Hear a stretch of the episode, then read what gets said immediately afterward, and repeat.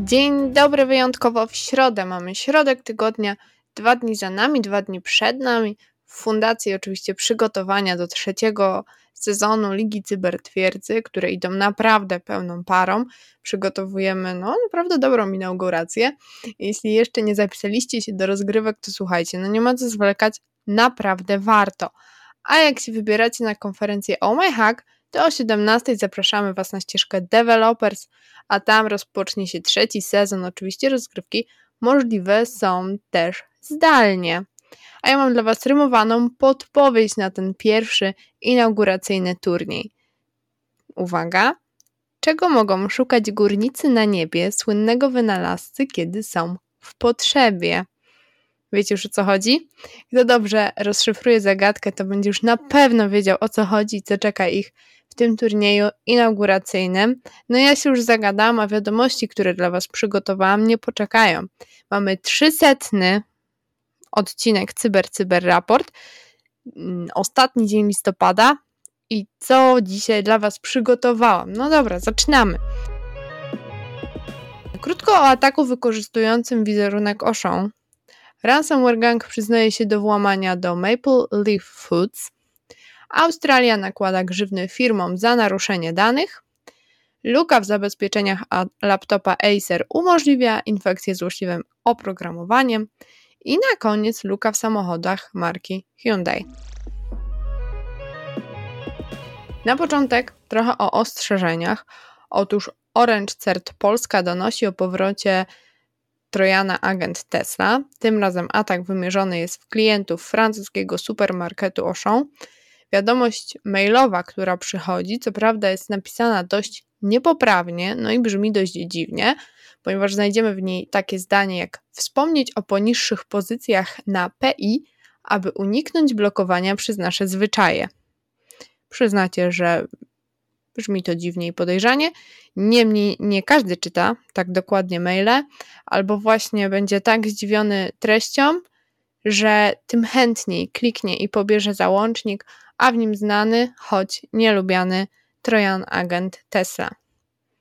Także bądźcie uważni, szczególnie jeśli robicie zakupy w sklepie internetowym Auchan. Uważajcie też na bony od Orlenu. Popularna stacja paliw ich nie rozdaje, a już na pewno nie rozdaje bonów za 1000 zł do wydania, ale można oddać pewnej firmie z Gibraltaru sporo swoich danych, a nie warto przecież rozdawać swoich danych. Więcej oczywiście mm, poczytacie na stronie CERT Orange Polska, a linki do tych ostrzeżeń oczywiście pod odcinkiem na naszej stronie. Idziemy dalej. Grupa Black Basta dalej jest aktywna, niestety. Przyznali się tym razem do ataku na kanadyjską firmę Maple Leaf Foods. Cyberprzestępcy upublicznili kilka zrzutów ekranu, dokumentów technicznych oraz informacji finansowych i innych plików korporacyjnych, aby wykazać, że uzyskali dostęp do systemów giganta mięsnego. Kanadyjska firma ogłosiła na początku listopada, że wystąpiła awaria w wyniku cyberataku. Zapowiedzieli też, że podjęli działania natychmiast po dowiedzeniu się o naruszeniu. Ale tutaj należy pamiętać, że w wyniku ataku ransomware firma o naruszeniu dowiaduje się jednak później, wtedy, gdy cyberprzestępca już zaszyfrował dane. Możemy się więc domyślać, że firma okupu nie zapłaciła, szczególnie, że dane można już znaleźć w internecie. Gang Black Basta wymienił ponad 100 organizacji na swojej stronie z przeciekami. Firma y, Maple Leaf Foods wydała oświadczenie, w którym pisze, że współpracując z światowej klasy ekspertami byli w stanie szybko i bezpiecznie przywrócić swoje systemy. Nadal współpracują jednak ze swoimi klientami, dostawcami i innymi partnerami, aby ta działalność mogła wrócić do normy. Niestety wiemy, że osoby stojące za tym incydentem były w stanie uzyskać nieautoryzowany dostęp do niektórych danych i no najpierw grozili ujawnieniem, a później, jak wiemy, już ujawnili dane. Także generalnie, chociaż wiele danych firma była w stanie przywrócić, być może nawet wszystkie, to teraz w ich posiadaniu są również cyberprzestępcy.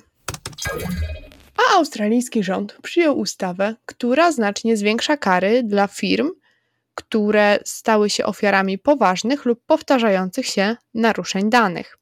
W tym celu maksymalne grzywny zostały podwyższone o 30% tak zwanego skorygowanego obrotu podmiotu w danym okresie lub trzykrotności korzyści uzyskanych w wyniku niewłaściwego wykorzystania informacji. Ten okres obrotu to czas od momentu wystąpienia naruszenia do końca miesiąca, w którym incydent został oficjalnie rozwiązany. Poważne naruszenia prywatności w ostatnich miesiącach pokazały, że istniejące zabezpieczenia są przestarzałe i nieodpowiednie. To zdanie prokuratora generalnego australijskiego. W zasadzie trudno się z nim nie zgodzić. Nawet w CyberCyber Raport przecież kilkukrotnie już mówiliśmy o incydentach w Australii, na przykład w Medibanku. Nowe uprawnienia do wymiany informacji otrzymał australijski komisarz do spraw informacji i ma to ułatwić współpracę z krajowymi organami regulacyjnymi i ich międzynarodowymi odpowiednikami. Sporo mówi się o wyciekach, tylko zmieniają się nazwy tych firm. Cyberprzestępcy więc bardzo aktywnie działają. Spójrzcie chociażby na poprzednią wiadomość o gangu Blackbusta. Potrzebne jest po prostu jakieś takie poważniejsze podejście do cyberbezpieczeństwa. Jak chcecie posłuchać o europejskich regulacjach, to w piątek będzie czekał na Was odcinek o NIS 2, a przecież w zeszły piątek ukazał się już odcinek z gościem specjalnym o rozporządzeniu DORA. Jak najbardziej zapraszam do wysłuchania. A my idziemy dalej. Halo właściciele Acerów, to wiadomość dla Was. Luka w niektórych laptopach Acer może zostać wykorzystana do obejścia zabezpieczeń i donosi ESET to. O tym. Badacze ESET ogłosili w serii tweetów, że wykryli lukę w laptopach Acer, która może pozwolić atakującemu na dezaktywację UEFI Secure Boot. Eksperci wyjaśnili, że luka CVE 2022-4020 jest podobna do luk w zabezpieczeniach Lenovo, które firma ujawniła na początku tego miesiąca. Podobnie jak w przypadku Lenovo, osoba atakująca może wywołać problem, aby dezaktywować UEFI Secure Boot, tworząc zmienną NVRAM bezpośrednio z systemu operacyjnego. Osoba atakująca, która jest w stanie ominąć Secure Boot, może ominąć wszelkie środki bezpieczeństwa uruchomione na komputerze i pozostać w systemie nawet w przypadku ponownej instalacji systemu operacyjnego.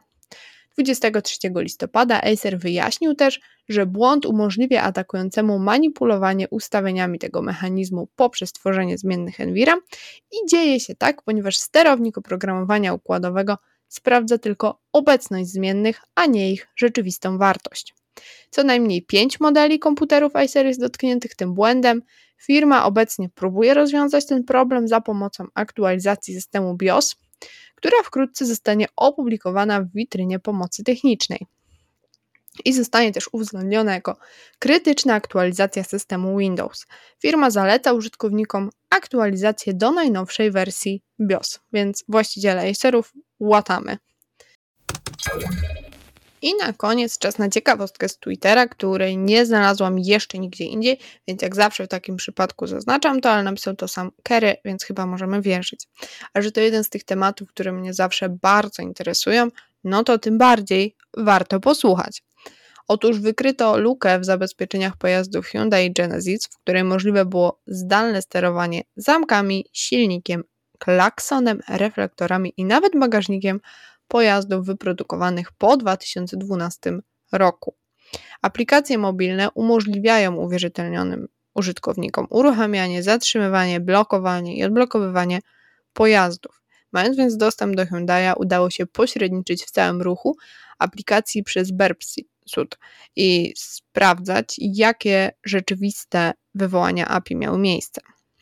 Pierwszym podejściem, żeby zdobyć dostęp do konta ofiary było zakłócenie rejestracji konta użytkownika Hyundai. Serwer nie wymagał od użytkowników potwierdzenia adresu e-mail. Dodając znak nowej linii na końcu już istniejącego adresu e-mail ofiary podczas rejestracji, możliwe było utworzenie konta, które ominęło walidację tokenów JWT i e-mail. Aby sprawdzić, czy to zadziałało, badacze wysłali żądanie HTTP do punktu końcowego, do endpointu, który zawiera listę pojazdów połączonych z kontem przy użyciu odpowiednich zmiennych. To sobie już zobaczycie czytając y, te tweety, które oczywiście będą podlinkowane pod odcinkiem. Odpowiedź HTTP zwróciła numer WIN ofiary, E, I ostatnia kontrola polega na sprawdzeniu, czy możliwe jest wykonanie rzeczywistych czynności, takie jak odblokowanie lub uruchomienie samochodu za pomocą sfałszowanego JWT. Wysłali badacze bezpieczeństwa żądanie HTTP za pomocą konta ofiary z dołączonym znakiem nowej linii, aby spróbować zdalnie odblokować pojazd połączony z adresem e-mail ofiary i to się udało. Więc został wykonany do wykonania jeszcze jeden krok. Dla uproszczenia i automatyzacji kroków stworzono skrypt Pythona, który potrzebował tylko adresu e-mail ofiary. Po wprowadzeniu tego można następnie przyjąć konta i wykonać polecenia w samochodzie. To znaczy, można było, bo zostało to zgłoszone do Hyundai i jest tylko wycinkiem z badań nad stanem cyberbezpieczeństwa motoryzacji. Mam nadzieję, że ten błąd jest już załatany i że przejęcie samochodu nie jest już takie proste. I to tyle. Miałam co prawda szósty news, ale potem spojrzałam, że to wczorajsza tytułowa wiadomość Piotrka, więc znacie już wszystkie ciekawe wiadomości z cyberbezpieczeństwa. I pamiętajcie o podpowiedzi, czego mogą szukać górnicy na niebie słynnego wynalazcy, kiedy są w potrzebie. Wierzę w Was, na pewno dacie radę, na pewno wiecie. A no jak już wiecie, to nic tylko się rejestrować na cybertwierdzę i walczyć o pierwszą lokatę. No bo już wiecie wszystko, tak? Jak wiecie, jaki będzie scenariusz, to już wiecie wszystko. Życzę Wam miłej środy i do usłyszenia w kolejnym odcinku Cyber Cyber Raport.